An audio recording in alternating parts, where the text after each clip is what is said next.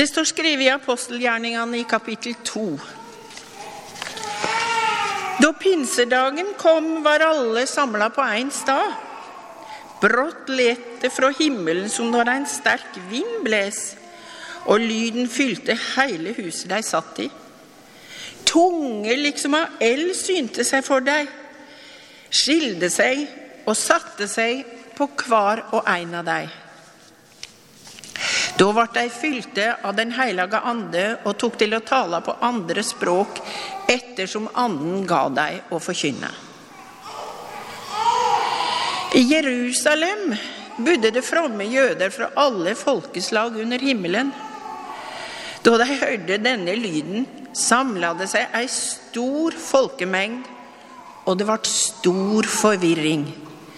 For hver og en hørte at det var tala på hans eget morsmål. Rent fra seg av undring spurte de, men er de ikke galileere, alle disse som taler? Hvordan går det så til at vi alle hører de tala på vårt eget morsmål? Vi er parterer og medearer og elamitter, folk som bor i Mesopotamia, Judea og Kappadokia, i Pontos og Asia, Frygia og Pamfylia, i Egypt og i området ved Kyrene i Libya. Vi er innflyttere fra Roma, jøder og proselytter, kretere og arabere, og vi hører de tale om Guds storverk på våre egne tungemål. De visste ikke hva de skulle tro, og rådville spurte de hverandre. Hva kan dette være? Men noen gjorde narr av dem og sa de har drukket seg fulle på søt vin. Slik lyder det hellige evangeliet. Ok, så Pinsedag så skjer dette. Eh, De samla en god gjeng av dem, 120 sannsynligvis. Og så tenker man vanligvis på disiplene som 12, men det var en litt større gjeng rundt dem. Eh, Og Hvis du blar litt fram i Bibelen din, så ser du at det var 120 litt før. Så det er naturlig å tenke at nå når de samler hele gjengen her, um, var samla alle på én sted, at det iallfall er minst like mange. da. Så det er 120 stykk. Og så har Jesus snakka til de tolv eh, disiplene på forhånd om hva som er det beste som kan skje dem. Så sier at de er samla på en vanlig pinsedag. Hva er det beste som kan skje dem?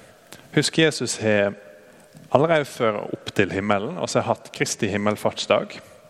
Så det er lett å tenke at det beste som kunne skjedd dem, er at han har en sånn Kristi tilbakekomstdag, eh, og at han bruker pinsedag med deg, og at de får snakke litt mer. og kanskje, Hva var det du mente med, med det du sa? sånn og sånn. At Det må være ganske høyt opp på lista av gode ting som kan skje for denne gjengen. Og gode ting som kunne skjedd for oss. Men så har Jesus snakka med dem dagen før han døde, om at det beste som kan skje for dem, er at det er en annen som kommer. Talsmannen kommer, at Den hellige ande kommer. At han som i lag med far og sønn er Gud, at han kommer til dem og snakker til dem på en, på en måte på en annen måte enn Jesus gjort. For Jesus har vært der i kjøtt og blod. Han har snakka til dem sånn at de har hørt stemmer med ørene sine. Men nå skal de få høre Gud på en annen måte. De skal få nye hjerter, og Gud skal komme inn i dem. For noen av dere er dette en tanke dere er vant med og komfortabel med. Og for noen av dere vil jeg tippe dette er superskummelt. At dere Ok, Gud, vår far. Kjempegreier. Eh, masse kjekt med det. Han skaper masse flott. Og mange av oss er veldig komfortable med Gud som far. Jesus Jula er noe kjempekjekk. Og, og se nå opp til Jesus på alle mulige måter. Han er dødd for oss på korset. Men Den hellige ande er det noen som har litt eh, Kanskje litt andre assosiasjoner til. Jeg vil tippe at noen av dere, når dere hører ting som, som jeg allerede har sagt om å høre Gud snakke til oss, At dere da tenker på eh, skumle nyhetsoppslag om plasser der det har gått veldig gale, og en eller annen person som har hørt Gud snakke til seg, og så har det skjedd eh, fæle ting. Så jeg trodde at det var Gud som sier de skal gjøre sånn og sånn, og sånn, og så går det veldig gale. Det er ikke det det er snakk om her. Og Hvis du er bekymra for den type ting, så er det veldig bra. Um, under reformasjonen, så for 500 år siden, når så hadde Martin Luther og en haug med andre folk som jobba, så hadde det en sånn ting som skjedde. Det var en tysk by som heter Münster. Der det var noen som fikk for seg at de hørte Gud snakket til dem.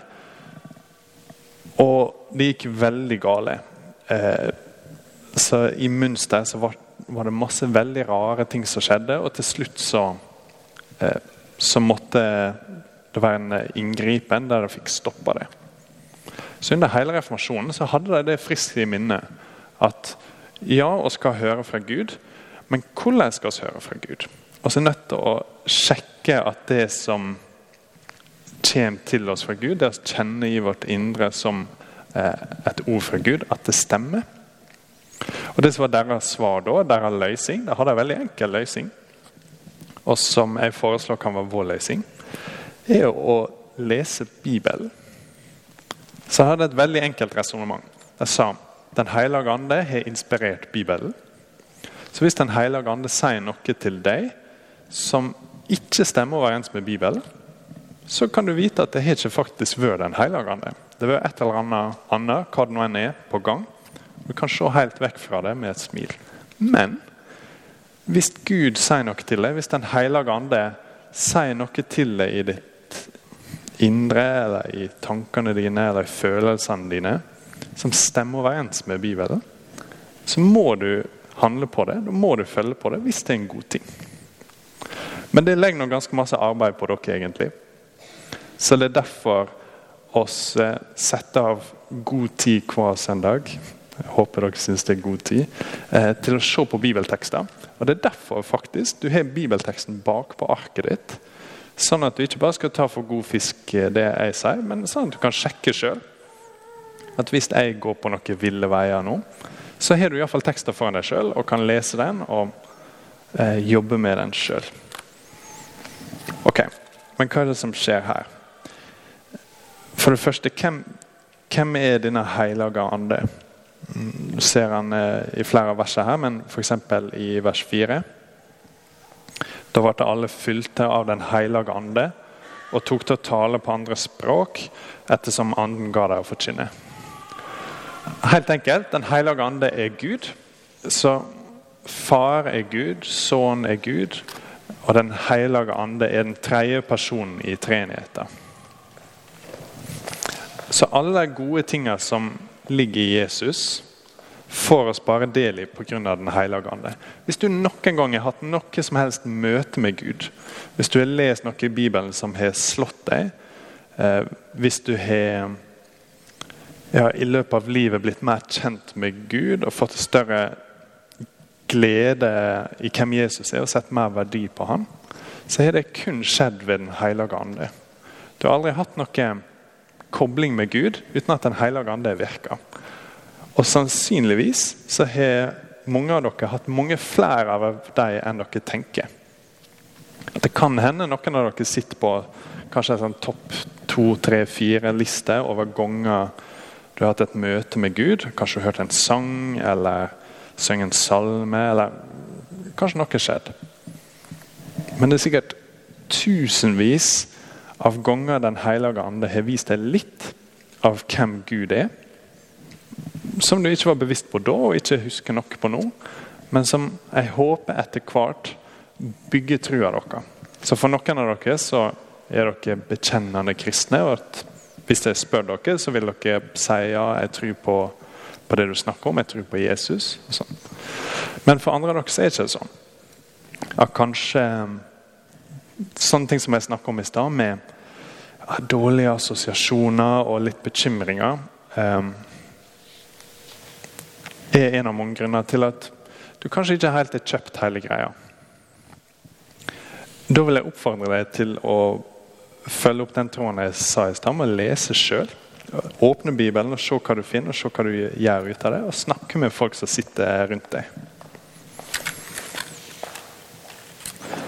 Men hva er det som skjer her i teksten? Hvis du ser på arket foran deg, da, så er pinsedagen kommet. Det var en jødisk høgtid. De feira pinse. Og da har de samla seg. Og brått så let det fra himmelen som når en sterk vind bles, og lyden fyller hele huset de satt i. Jeg er fra Brattvågen. Der er det enda mer eh, værhardt egentlig enn her. Og Kirka der ligger akkurat sånn i samme vinkel som fjorden.